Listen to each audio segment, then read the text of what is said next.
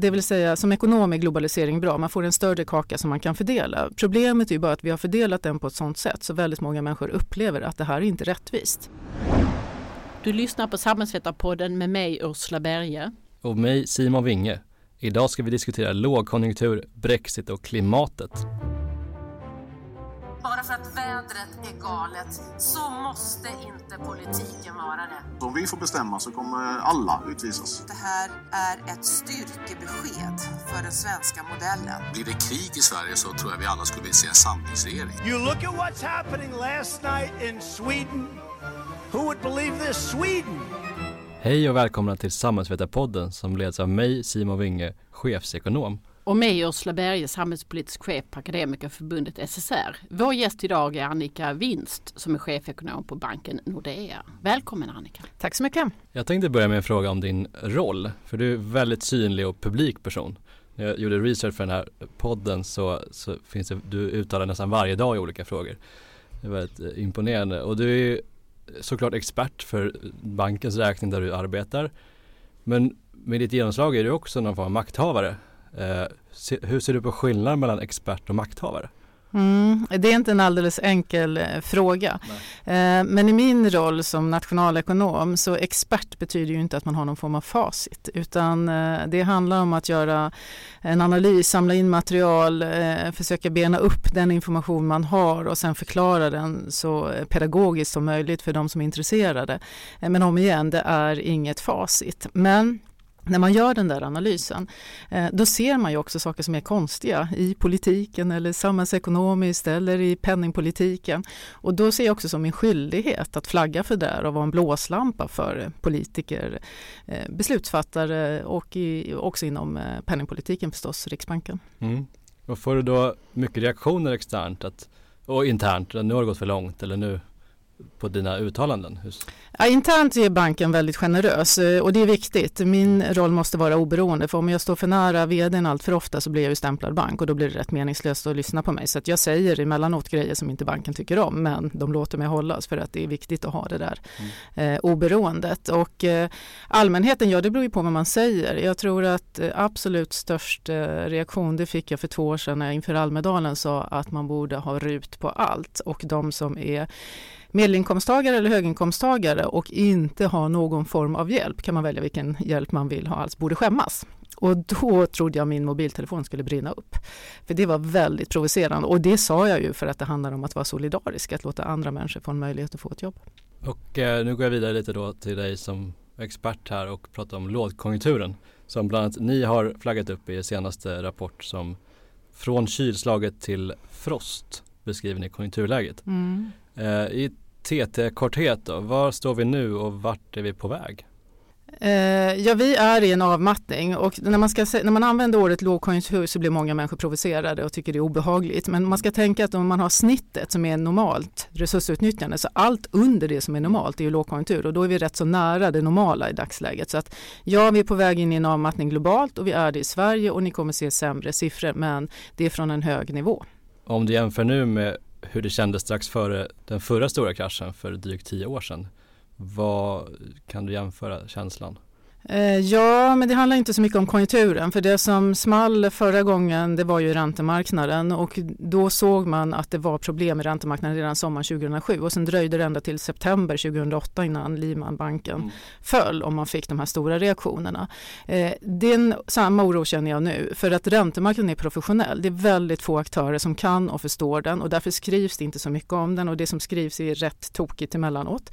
Mm. Eh, och det gör att det blir liksom, eh, det kommer från en helt omedvetet landade det där bara på bordet. Hade det varit aktiemarknad så hade folk hört om det här hela tiden och jag brukar säga att man får råd av taxichauffören och vet om det är bu eller bä. Liksom. Mm. Så funkar inte räntemarknaden och jag är orolig för det som händer på räntemarknaden idag för den, den fungerar inte med tanke på att centralbankerna för en så expansiv politik. Så där skulle det kunna hända något oförutsett?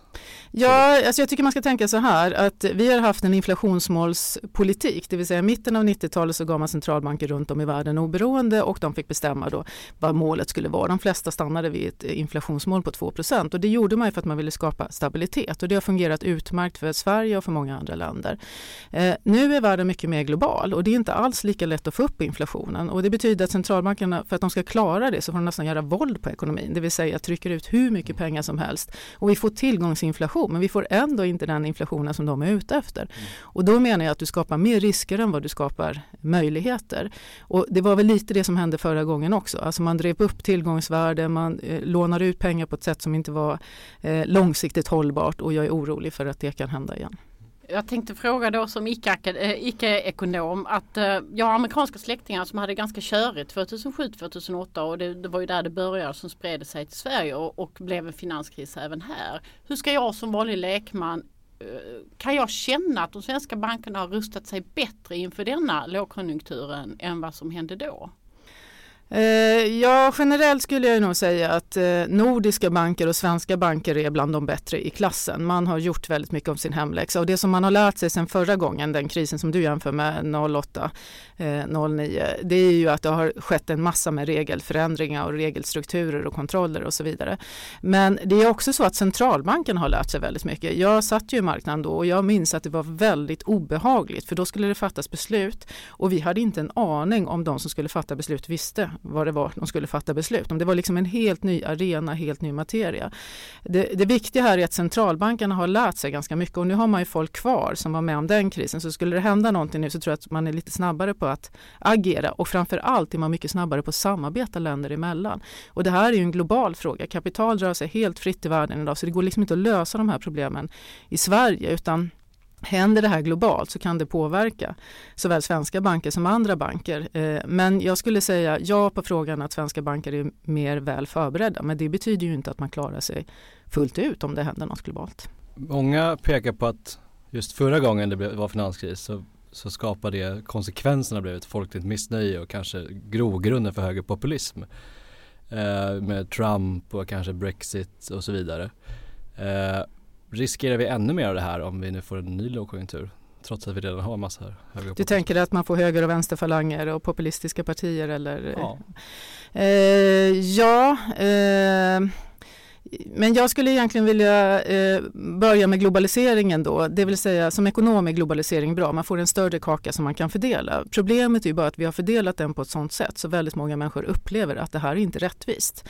De som har tillgångar som vi brukar kalla insiderekonomin, det vill säga fastigheter, aktier eller fonder.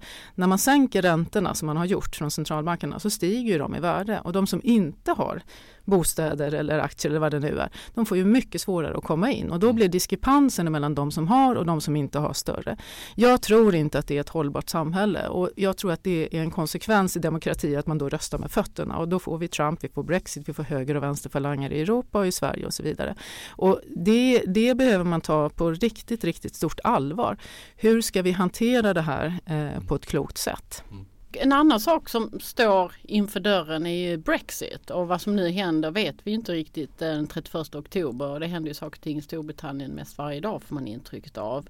Som svensk löntagare idag, hur skulle man direkt märka en hård Brexit där eh, Storbritannien lämnar EU utan avtal? Hur kommer jag märka det som vanlig löntagare mm. tror du? Det är en jättesvår fråga att svara på. Jag, jag, jag, tror inte att en, en hård brexit, alltså en brexit utan avtal, är fullt eh, prissatt. Så det kommer få växelkurseffekter för de löntagare som jobbar och som är berörda av, av det. Eh, bolag som har kontakter med Storbritannien och så vidare. Men sen är det också väldigt mycket handel som sker. Eh, Storbritannien är en av våra viktigaste handelspartner, även om det har minskat sedan man började prata om brexit. Så är de fortfarande väldigt viktiga. Det betyder ju att varor och tjänster och så vidare får, eh, det kommer bli stopp i maskineriet jag tror att det som är det viktigaste och mest bråttom som till exempel hur man får flyga och så vidare, där kommer man vara angelägen om att hitta lösningar.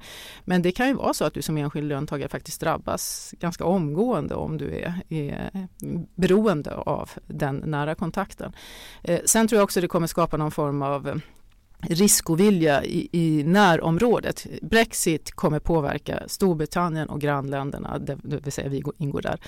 Men det påverkar inte globalt skulle jag se det. Men däremot kan det få negativa konjunkturutsikter och därmed också påverka arbetsmarknaden och så vidare för den enskilde individen. Precis, du var inne på valuta där och vi, tillsammans med Storbritannien så var vi, stod vi utanför euron men ja, så vi hade ju lite samarbete där kan man väl säga för vi, var, vi ville vara med men ändå inte ha valutan.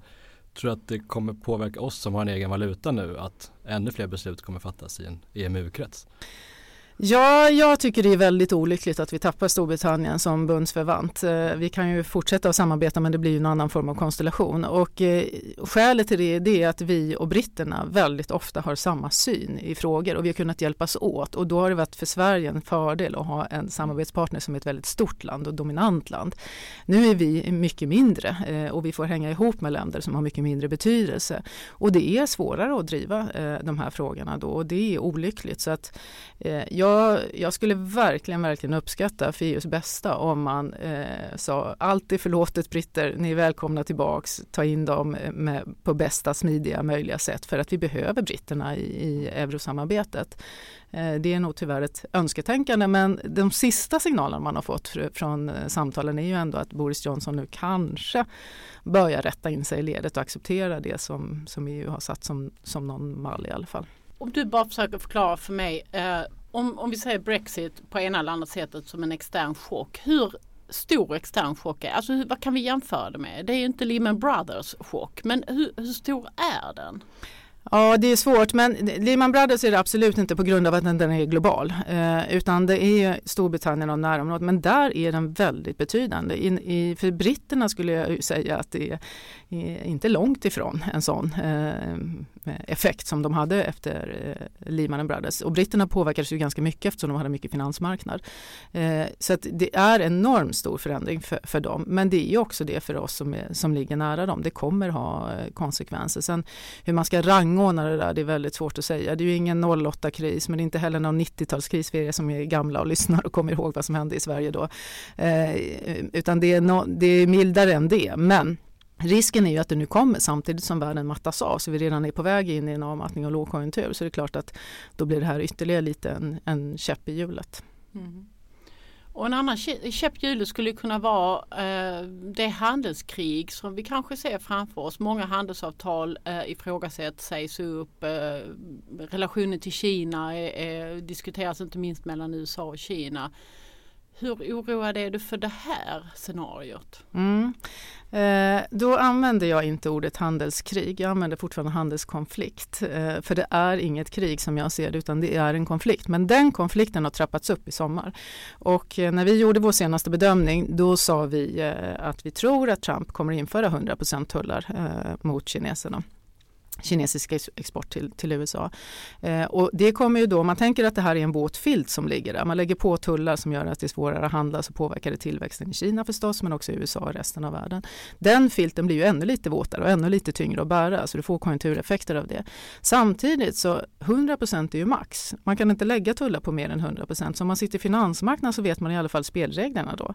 Så en osäkerhet försvinner om det blir 100% Då vet vi okej, okay, så här ser det ut, nu ska vi förhålla oss till det. Så det kan, det det kan påverka lite positivt i den vågskålen, att då vågar man göra eh, olika saker. Det som, som man också ska ha i bakhuvudet det är att den här handelskonflikten den har pågått i ett par år nu och fortfarande inte knäckt världskonjunkturen och jag tror inte det är den som kommer göra det heller. Eh, utan det, den är en filt som är tung att bära men that's it. Däremot så tycker jag att det man har sett i sommar som jag tycker är riktigt obehagligt är att vi har flera konflikthärdar och det hänger ju ihop med den här handelskonflikten också som har eskalerat och lite grann om man får eh, försöka förenkla så handlar det om att utveckla det västländer mot Kina och andra länder. Eh, vi har eh, varit i decennier då vi la ner muren i Tyskland, man släppte kalla kriget mellan USA och Sovjet och så gått åt rätt håll och varit ganska naiva. Helt plötsligt inser vi att nej, eh, det kanske inte är så enkelt. Det kanske finns andra länder, regioner som tänker helt annorlunda än vad vi gör.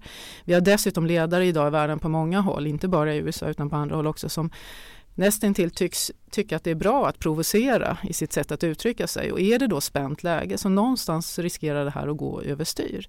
Och det tycker jag är väldigt obehagligt. Det är också som eh, företagare eller som land eller som kommun eller som privatperson väldigt svårt att räkna på. Vad får det för konsekvenser? Och det enda man kan göra är liksom att förbereda sig för den här orosscenariot.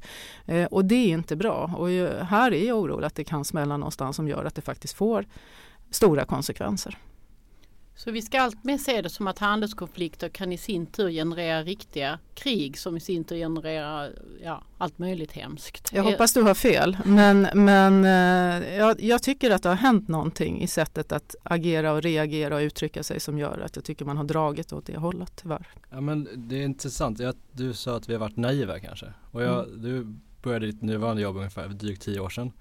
Och kunde du föreställa dig att du om tio år bara under liksom på ett samma jobb skulle kunna stå här och prata om det plötsligt är handelskrig, Trump är president. Det har hänt väldigt mycket de här åren.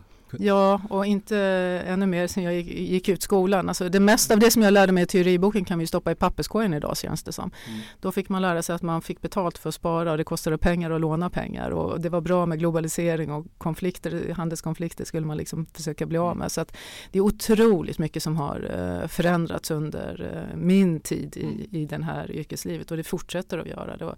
Och just nu tycker jag att det känns som att det går lite grann åt fel håll. Jag är orolig för de risker man skapar och uh, man har eh, akademiker, professorer, centralbankschefer som möts runt om i världen med jämna mellanrum och bland annat möts de i Jackson Hole. Och, och där säger ju centralbanksfolk eh, eh själva nu att man är ute på oerhört is. Man vet inte riktigt vad det är man håller på med. Eh, samtidigt så när då konjunkturen viker, vad gör man? Jo, ja, man gör mer av samma, det vill säga sänker räntan och trycker ut nya pengar. Och det där tycker jag det är oerhört viktigt att vi har ett samtal om det. Det finns en stor risk att det går överstyr och det finns en stor risk att du som är ung och yngre eh, folk runt om i världen får betala priset för det här. Mm. Eh, och det är ett väldigt högt pris och därför tycker jag det är oerhört viktigt att man pratar om det. Mm. Jag skulle vilja komma in lite på den offentliga sektorn där vi som förbund har våra största medlemsgrupper. Eh, och min första fråga är hur tror du att den här konjunktursvackan riskerar att slå mot den offentliga sektorn? Kan vi få ett nytt 90-tal där då tiotusentals medarbetare sades upp under bara några år? Mm, då måste det hända någonting annat och då tror jag att det måste hända någonting globalt. Men det kan ju hända något globalt som gör att svensk ekonomi hamnar i kris och då har vi spänt bågen ganska hårt till exempel med hög skuldsättning hos hushållen. Mm. Så det kan ju mycket väl vara så att vi landar i något som är mycket värre än vad vi har tänkt oss. Lite grann får man, eh, som man har bäddat får man ligga. Eh, däremot så tänker jag så här att eh, om det är någonting som man ska stimulera idag då är det kommunal sektor och det finns flera skäl till det. Ett skäl eh, det är att eh, vi har en åldrande befolkning, det vill säga att det finns allt fler unga eh, och det finns allt fler äldre och så finns det allt färre som ska betala skatt och mm. finansiera det. Och då har du både behov av att bygga förskolor och skolor och du har behov av att bygga äldreomsorg. Och det här har vi ju vetat jättelänge. Befolkningsstruktur är någonting som man faktiskt ja. har koll på. Och då har man betalt av på statsskulden för att ha resurser när det här väl kommer. Nu mm. är det här och mm. då säger politikerna att de ska fortsätta att spara. Det tycker jag är märkligt. Nu tror jag att man behöver använda de här resurserna för att faktiskt stötta ekonomin. Det andra är migrationen som man faktiskt fattade beslut om statligt men som kommunerna nu ska ta kostnaderna för integrationen och det är en stor utmaning för många eh, kommuner. Och sen en tredje aspekt är att vi har stora infrastrukturutmaningar. Allt från vatten och avlopp och så vidare som är eftersatt i många kommuner. Och ska man fixa allt det här här, det är ju behov nu. Mm. Eh, då måste man höja skatten väldigt, väldigt mycket och det tycker jag är olyckligt. Så jag mm. skulle vilja se någon form av kombination här, att kommunerna måste göra lite av det de gjorde på 90-talet, alltså rationalisera, mm. effektivisera mm. och det kan de. Eh, men de kommer också behöva höja skatterna, men jag tror också att det är klokt faktiskt att stötta dem från statligt håll. Då, några, lite skattehöjningar men kanske också lite lånefinansiering för det statliga eh, åtagandet? Ja. Vi hör ju väldigt många kommuner som säger att de har dålig ekonomi nu eh, och de har ju ett budgetbalanskrav som är ettårigt vilket gör att eh, de måste dra ner när det börjar bli lågkonjunktur och kan, alltså de blir lite procykliska. De förstärker liksom lågkonjunkturer. Uh, och det finns flera kommuner som har signalerat att skulle man inte kunna istället ha en annan lösning som inte innebar att man behövde ha budgetbalanskrav på ett år utan att kanske på tre år flytande eller någonting liknande du som ekonom, är detta ett problem? Får vi 290 stabiliserings, eh, eh, liksom, eh, stabilisatorer liksom, i en finansekonomi eller vad, vad händer då? För mm. att kommunerna har ju problem. Mm. Eh, jag tror nog det är bra att man har någon form av balanskontroll även på kommunerna. Annars skulle det väldigt lätt flyta iväg och man skulle göra både det ena med det tredje som inte skulle vara önskvärt på, på lång sikt. Men jag tycker att vi har hamnat i en situation där man från statsmakternas sida vill styra det här väldigt mycket och jag tycker mycket mer generella bidrag.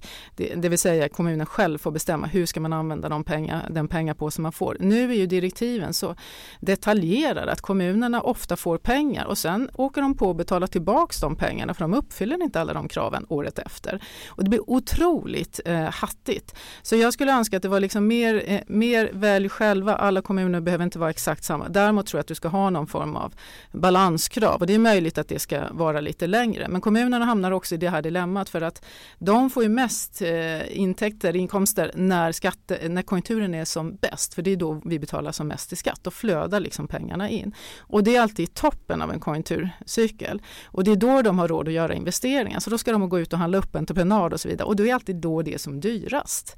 Eh, så att de hamnar liksom i fel i den här gungan hela tiden. Och sen då när det vänder, ja då ska de börja eh, spara samtidigt som de har eh, mindre pengar som, som kommer in. Så det är tufft att ha ett års perspektiv utifrån ett kommunalpolitiskt perspektiv, absolut.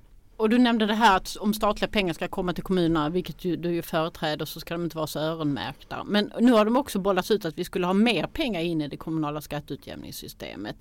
Eh, ser du det som en av de viktigaste faktorerna för hur vi kan utjämna skillnader mellan kommuner eller också kanske också över tid? Eller hur ska vi Eh, vad är den smartaste politiken, säger statspolitiken för att lösa det här? Mm.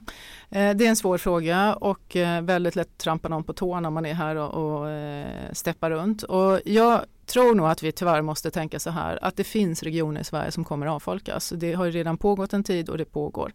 Eh, för att det ska gå att hanteras på ett klokt och vettigt sätt, att folk ska ha möjlighet att anpassa sig, så måste man nog ha regionalstöd över tid och då ska de vara så kloka och genomtänkta eh, som möjligt. Så jag säger ja, vi behöver ha eh, regionalstöd. Däremot så har vi haft ett par utspel nu på senaste tiden Bland annat har ju Centern varit ute och sagt att det är två regioner i norr eh, som ska få eh, stöd eh, via, via sänkta för, eh, arbetsgivaravgifter och så vidare. Och det, det tycker jag blir som ett lapptäcke. Du har inte en Eh, aning om hur det slutar i slutändan utan det kan ju vara så att folk utnyttjar det där systemet på ett sätt som man inte alls har tänkt sig. Utan när man gör de här förändringarna så måste de vara mycket, mycket mer övergripande och tydliga. Och det andra det var ju att Stefan Löfven var ute för någon månad sedan eh, i slutet av sommaren och också pratade om, om eh, utjämningssystem. Och där menar jag att han har alldeles för kort tidsperspektiv. Han sa att det skulle börja gälla till årsskiftet om jag förstod det rätt. Och då har man ju redan tagit alla budgetar. Det blir väldigt svårt, alltså det hattiga. Det, hur ska man kunna anpassa sig till det? Det är mycket bättre att ha en lång, längre perspektiv. Och det andra misstaget som jag tycker han gjorde det var att han väldigt tydligt målade upp vi mot dem. Alltså Stockholm, Göteborg och några andra städer ska betala till de andra. Om man säger det så, då går folk som bor i storstäderna i taket samtidigt som de andra säger, ja vad skönt, då behöver inte vi bidra. Det är klokare att lägga upp det som att Stockholm och Göteborg och andra liknande städer, ja ni måste bidra med det här, men så får ni det här istället. Och ni som får pengarna, ni får det här, men då behöver ni göra det här. Då får du lite mer gemensamt. Nu går man ju liksom i clinch mot varandra och det är inte särskilt konstruktivt. Så att ja, vi kommer behöva regionalpolitik, men men hatta inte hit och dit. Ta ett stort omtag om det här och reflektera över hur gör vi det på bästa möjliga sätt. Om man ska prata lite mer om skatter så sa eh, häromdagen en ganska försiktig myndighet i Konjunkturinstitutet att man kanske ska överväga höjda kapitalskatter och fastighetsskatter för att få in mer pengar. Hur ser du på det? Ja, om man tänker varför har vi skatter? Eh, ja, det har vi för att vi ska finansiera vår välfärd eh, och då vill man ta ut skatter som är så lite skadliga som möjligt i samhället. Vi vet att vi måste plocka ut dem, vi ska ta dem som skadar samhället minst. Eller minst, ja förlåt. Och eh, jag tror att de flesta ekonomer är helt överens om att fastighetsskatten är en sån skatt. Så ja till fastighetsskatten. Det, det, vi ska inte gå tillbaka till den gamla för den hade inte folk förtroende för. Men vi behöver ha någon annan form av fastighetsskatt. Det är också en skatt som är min, liten skalig för att den står här. Den går liksom inte att flytta. Det är också en skatt som har viss eh, fördelningseffekt så tillvida att det är oftast förmögnare människor som har fastigheter som är mer värda och därmed betalar mer än de som har mindre eh, eh, kapital och därmed har, betalar mindre i skatt så man får en fördelningseffekt som också är positiv. Så fastighetsskatten skulle jag bli mycket glad om man tog in för det är en skatt som, som inte skadar samhället särskilt mycket och vi behöver ha in pengarna. Eh, kapitalskatt, eh, mycket svårare av det enkla skälet att världen är global idag. Människor, företag, kapital rör sig helt fritt och om vi sticker ut jämfört med resten av världen, då kommer man hela tiden leta. Var kan man vara istället? Hur kan man göra? Alltså lite som det här lapptäcket som jag pratar om, om man gör undantag för ett par regioner i norr. Då letar man, kan man vara där istället eller kan man vara någon annanstans istället? Så att, eh, vi måste nog bara inse att vi befinner oss i en öppen värld eh, och då gäller det att tänka klokt. Eh, ett, hur, hur tar man ut de minst skadliga skatterna och vilka är de och hur undviker man de som faktiskt kommer att bidra till att vi inte har det här kapitalet överhuvudtaget. Och kapitalskatten är mycket svårare. Så att, eh, jag skulle önska att man, man hade skatt på, på till exempel fastigheter och sen hade man mindre skatt på, eh, på arbete till exempel. För arbete beskattar vi ju relativt högt i Sverige idag och vi vill ha folk i sysselsättning.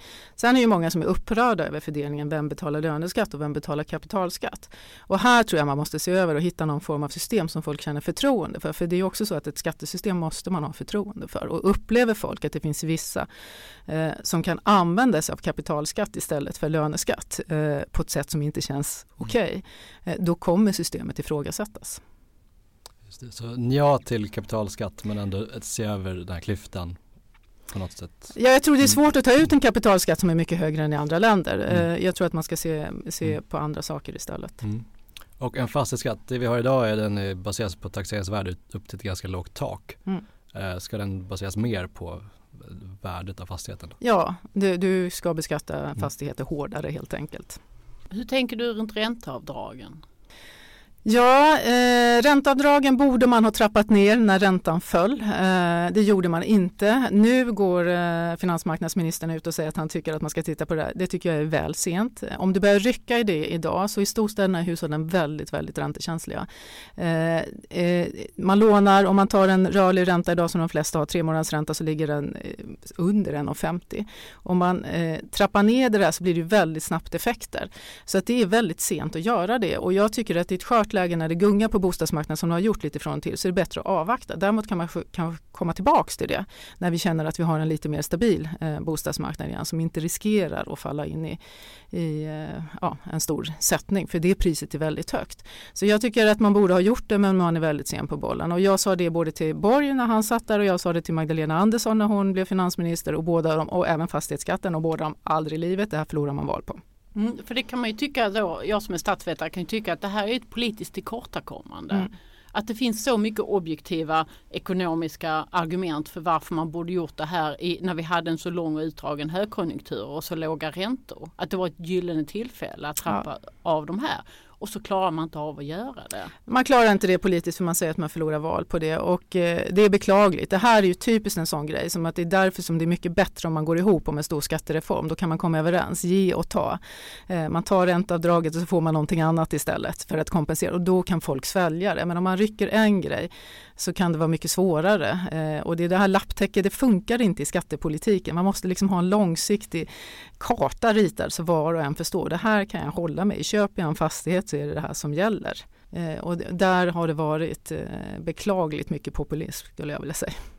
Jag tänkte komma in på en annan sak som, som, som ju väldigt många bekymrar sig om och det, och det är de ökade inkomstskillnaderna i samhället. Och tittar man på sådana här Gini-koefficienter som du väl kan allting om så ser man ju det som du också nämnde tidigare att, att eh, allt större andel av de som tjänar mycket tjänar på, på kapital.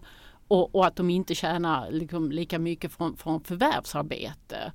Och, och, samtidigt har vi de senaste åren fått den här eh, famösa boken från Thomas Piketty som handlar om de superrika och hur omfördelningen i, i världen går till förmån för de eh, superrika, toppdecilen och topppromillen. Hur tänker du runt den här och vad ska vi göra åt det?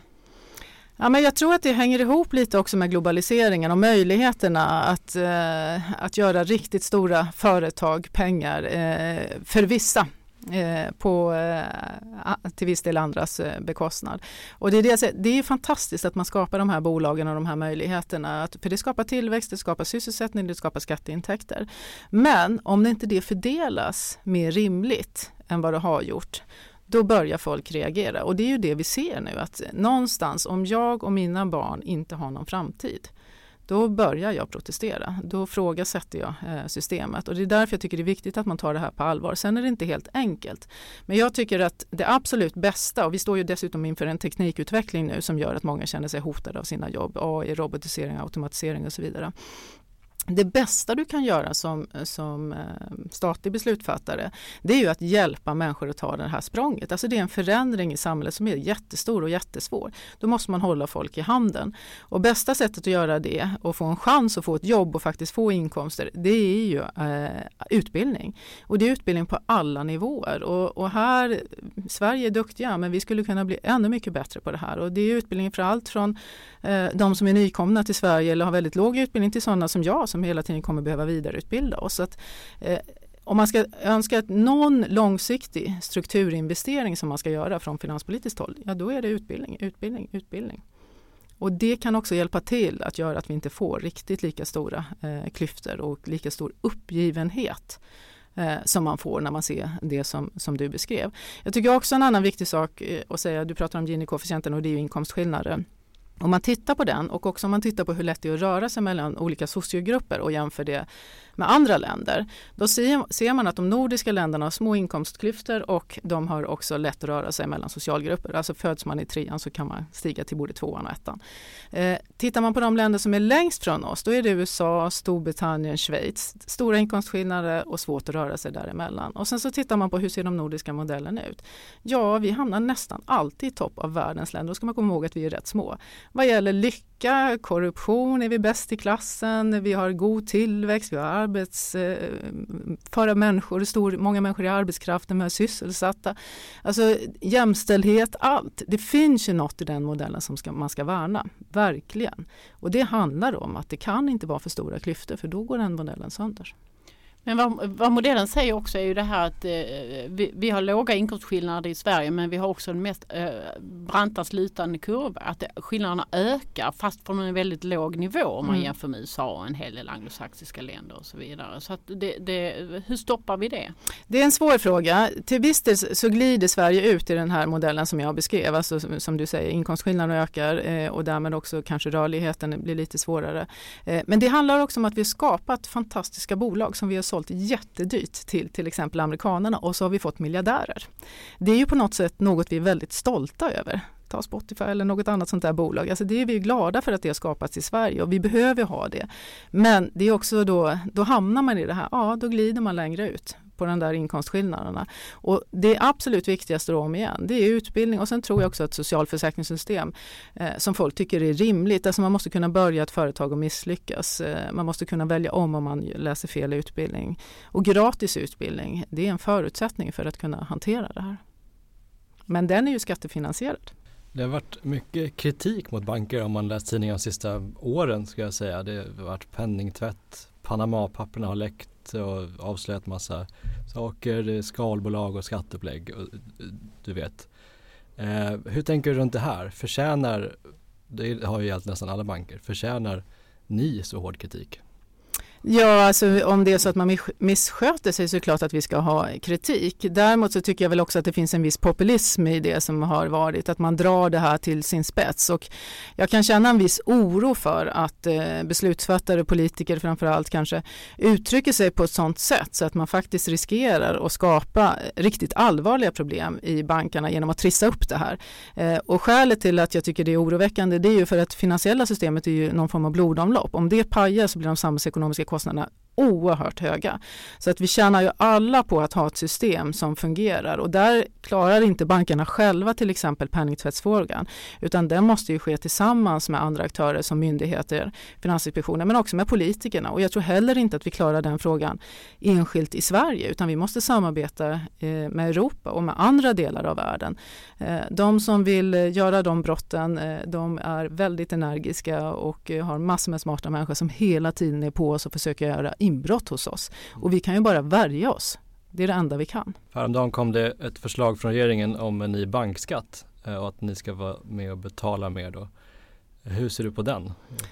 Ja, eh, alltså det är självklart så att vi ska betala de skatter som man beslutar om. Det kommer ju alla företag göra och det, det gör ju bankerna också. Eh, men här är jag väl som ekonom då kritisk i den bemärkelsen att i Sverige så betalar man ju till en, vi kallar en resolutionsavgift, en avgift som man har hittills idag.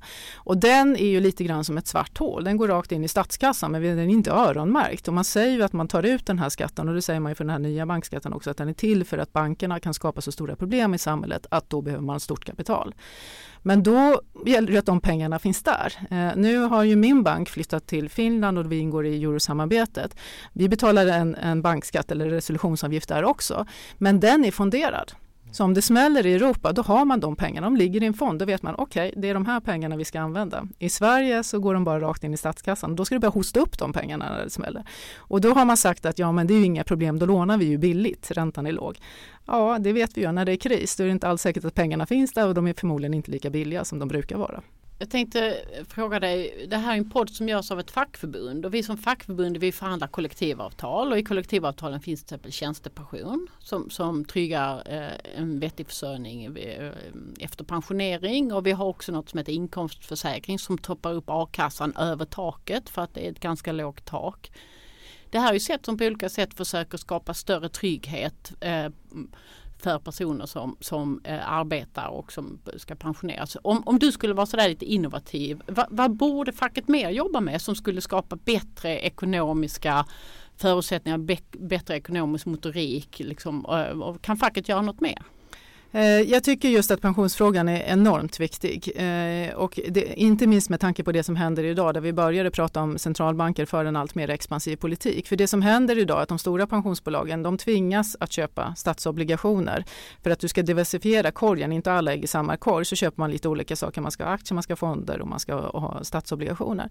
Men statsobligationer är negativ idag så att redan från dag ett så gör man en dålig affär. Den första frågan man kan ställa sig är det verkligen lagligt? Kan man ta pensionspoängarna och medvetet göra en dålig affär. Ja, det är så regelverket ser ut idag. Och för att då kompensera för det så måste du ta ännu mer risk med resten av pengarna. Och det här tycker jag verkligen att vi behöver prata väldigt mycket mer och där önskar jag att facken var på den bollen mycket mer för att det finns en stor risk att många människor kommer upptäcka när de kommer dit pensionen är mindre och det här systemet som vi nu har med extremt expansiv politik har också gjort att risken i det är mycket större, det vill säga att det kanske finns ännu mindre pengar när man, när man väl är där. Så pensionsfrågan skulle jag säga kanske är en av de viktigaste frågorna att diskutera och problemet är också att väldigt många unga människor inte orkar tänka så långt bort i tiden och då har ni väl en ännu viktigare roll eh, att driva de här frågorna. Vi har under hösten pratat ganska mycket om klimatförändringar i den här podden.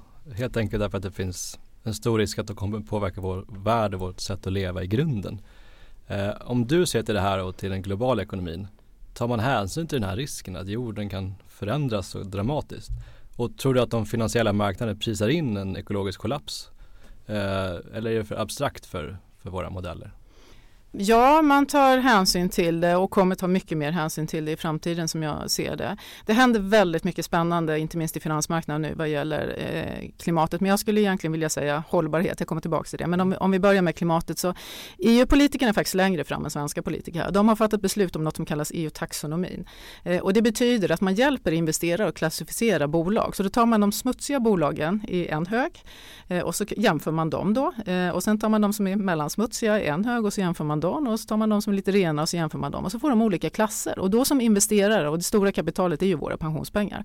Då kan de säga så här, ja det här bolaget det ser jag här, det är ju hyfsat rent. Då väljer jag det istället för det andra bolaget som är i samma kategori men smutsigare. Och så tvingar man då bolagen eh, att förändra sig. Och om man då gör det genom att säga att det smutsiga bolaget får betala en ränta till sina investeringar som är kanske 3 procentenheter högre, 5 procentenheter om det är riktigt smutsigt. Eh, då kommer de ju väldigt snabbt att tänka, vad gör det andra bolaget? Gör det samma saker som oss men de får låna mycket billigare och så får man då en automatisk förändring.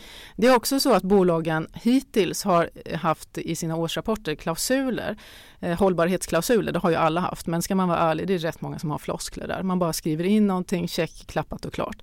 Det där kommer man börja granska nu, så om man ska få kalla sig hållbar så kommer man behöva uppfylla vissa saker och då sker det också automatiskt där att man måste sköta sig. Och de som inte då sköter sig eller får klassa sig som hållbara, det kommer ju ingen investerare vilja ta i med tång för då blir de ju själva inte hållbara. Så jag brukar säga att finansmarknaden kan faktiskt bli klimatets bästa vän om man lyckas med det här. Tyvärr är det än så länge så, och det är inte perfekt systemet men det är början, att det bara gäller klimatet. man behöver också vidga det och man tänker göra det till social och ekonomisk hållbarhet också. För det är minst lika viktigt. Och det är min andra käpphäst vad gäller eh, klimatfrågan eller hållbarhetsfrågan. Att om man inte tänker social och ekonomisk hållbarhet så kommer man inte orka tänka klimatet. Och då vet jag att det finns lyssnare som tänker, ja men vi har ju inte råd, klimatet kommer ju gå åt skogen eller jorden går åt skogen. Vi kan ju hålla på och tänka på vår eh, sociala ekonomiska hållbarhet så mycket som helst, det går ju åt fel håll. Men eh, då är det tyvärr krasst så att om man inte har mat på bordet, om man inte har skola till sina barn eller till och med om man blir arbetslös i Sverige så tänker vi mindre på klimatet. Allt annat lika så orkar vi inte ta lika mycket ansvar då. Så det absolut viktigaste det är ju att se till att undvika kriser så att människor inte hamnar i sociala och ekonomiskt ohållbara situationer situationer och hjälpa de som har svåra förutsättningar att nå upp till en levnadsstandard som de faktiskt har råd att välja. Och där kan Sverige vara ett föregångsland. Många oroar sig nu här när vi går in mot, eh, mot en möjlig lågkonjunktur att eh, oj om jag slutar flyga kommer jag då förstärka en lågkonjunktur även om det leder till att jag har ett mer hållbart beteende. Och sen säger andra att ja, men se positivt på det, liksom det skapas en ny industri, en ny konsumtion som är hållbar, som är grön och det kommer att driva på och skapa positiva eh, eh, eh, positiv drivkraft och mer tillväxt. Ska vi, ska vi tänka runt det här eh, ska vi se negativt eller positivt på det? Mm, eh, jag tror att vi måste se det som en möjlighet eh, och anstränga oss utifrån det perspektivet, åtminstone när vi är svenskar och har råd att välja. Eh, jag, jag, tänker så här, tyvärr är det så här att vi räknade på det. Vad behöver varje svensk individ göra för att vi ska nå Parisavtalet? Och jag är ledsen att säga det, men ni behöver svälta er till döds. Alltså vi kan inte dra ner vår konsumtion och tro att vi fixar Parisavtalet. Det betyder inte att ni inte ska göra något utan ni ska fort, fortfarande försöka anstränga så mycket som möjligt. Och det som är viktigast att anstränga sig om det är transporterna. Eh, sen kommer kött och så kommer kläder och så vidare. Men, men vi ska anstränga oss, men vi kan inte lösa det den vägen. Och därför så måste man skapa, och det var där jag menar att Sverige kan vara en förebild, innovativa lösningar, företag, forskning, utveckling. Och jag tänker att det viktigaste som vi skulle kunna göra det är ju att se till, för eh, det man vet är ju att det är kolet som ska vara kvar i marknaden. Det är det absolut viktigaste och det är alla i alla fall överens om. Var använder man det mest? Ja, det gör man i Asien, Kina, Indien och så vidare. Hur kan man hjälpa dem att komma bort ifrån det? Ja, genom att vara en förebild. Men då kan man inte svälta sig till döds. Då måste man ha någon levnadsstandard som känns, det här landet, tänk här har de eh, en okej okay levnadsstandard och lever hållbart. Om vi kan få dem att komma hit och titta på hur vi gör och hjälpa dem med system, då är det klart att det är det absolut mest effektiva sättet att påverka. Och det skulle ju då också skapa företag, jobb här, för att då behöver man jobba och forska och utveckla och använda eh, systemen här för att kunna komma vidare med det. Eh, men det, det kräver ju kapital och det kräver tillväxt. Eh, så att eh, jag säger att jag tror inte att man kan lösa klimatfrågan utan att acceptera att vi har tillväxt. Men vi måste ha tillväxt på ett mycket, mycket klokare sätt än vad vi har haft. Och konsumtionen ska vi inte heller sluta med, men det måste vara en hållbar konsumtion, en annan sorts konsumtion än vad vi har haft. För häromdagen var det en klimatforskare som skrev på Svenska Dagbladet att eh, han har slutat tro på att vi kan ha grön tillväxt, det vill säga att vi kan ha lika mycket tillväxt fast grön. Och jag tolkar på dig som att Sverige skulle kunna ha det om vi tar en, liksom, en annan del av företagen och så vidare. Men, men för världen kommer vi väl behöva betala med tillväxt? Ja, eh, alltså, om igen, om vi kunde få världen att ha en kolskatt som vi har i Sverige idag så skulle man vara av med rätt många av de här stora problemen. Problemen är bara att det kommer vi inte kunna få. Det, det, är en väldigt svår utveckling. Och jag har all respekt för att naturvetare säger det här och det var lite det som jag var inne på att det är lätt att, eh, lätt att förstå att jorden är på väg att gå under och vi måste liksom bara fokusera på det. Men om man inte får folk att göra det Alltså de kan ju säga och skrika sig blåa men om folk ändå tycker att det är viktigare att ha mat på bordet eh, då kommer det inte att hända. Och det är därför jag tycker det är så viktigt att ha respekt för det här. Alla har inte samma förutsättningar som vi och vi kan inte lösa det här för problemen är mycket större någon annanstans. Då måste vi vara kloka och det gör vi genom att se till att hitta systemlösningar som på bästa sätt får dem att vilja göra det som är bra eh, för världen. Och här tycker jag att finansministrarna har en väldigt stor roll och inte minst svenska finansministern att driva det här i EU till exempel. Idag är det ju så att det är oftast miljöministrarna som möts och pratar om de här diskussionerna. Men de som bestämmer, det är ju de som har pengarna och det är finansministrarna. Så jag skulle önska att man lyfte upp det här på den nivån och att man därifrån drev de här frågorna. En liten eh, speciell fråga kanske. Om min bostadsrättsförening skulle låna pengar till solceller och låna av Nordea. Skulle vi få en lägre ränta och bättre lån då än om vi skulle låna till någonting annat? Jag vågar faktiskt inte svara på det. Jag tror att den sortens utveckling kommer att komma. Eh, jag är makroekonom, jag är ingen bankexpert och kan därmed inte alla produkter. Men det, det händer ju saker här eh, och man diskuterar det väldigt mycket, hur man kan stimulera. Det som händer i, i marknaden är ju till exempel att man pratar om gröna obligationer.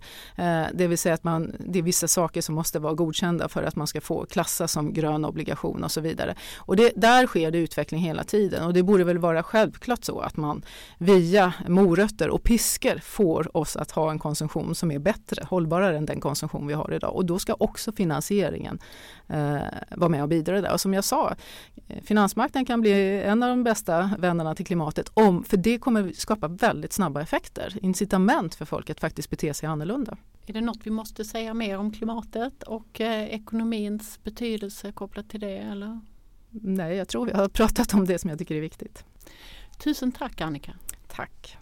Det var allt från Samhällsvetarpodden den här veckan. Samhällsvetarpodden görs varannan vecka och fångar upp stora samhällspolitiska frågor, helst med en facklig twist. Samhällsvetarpodden görs av Akademikerförbundet SSR, Sveriges ledande samhällsvetarförbund.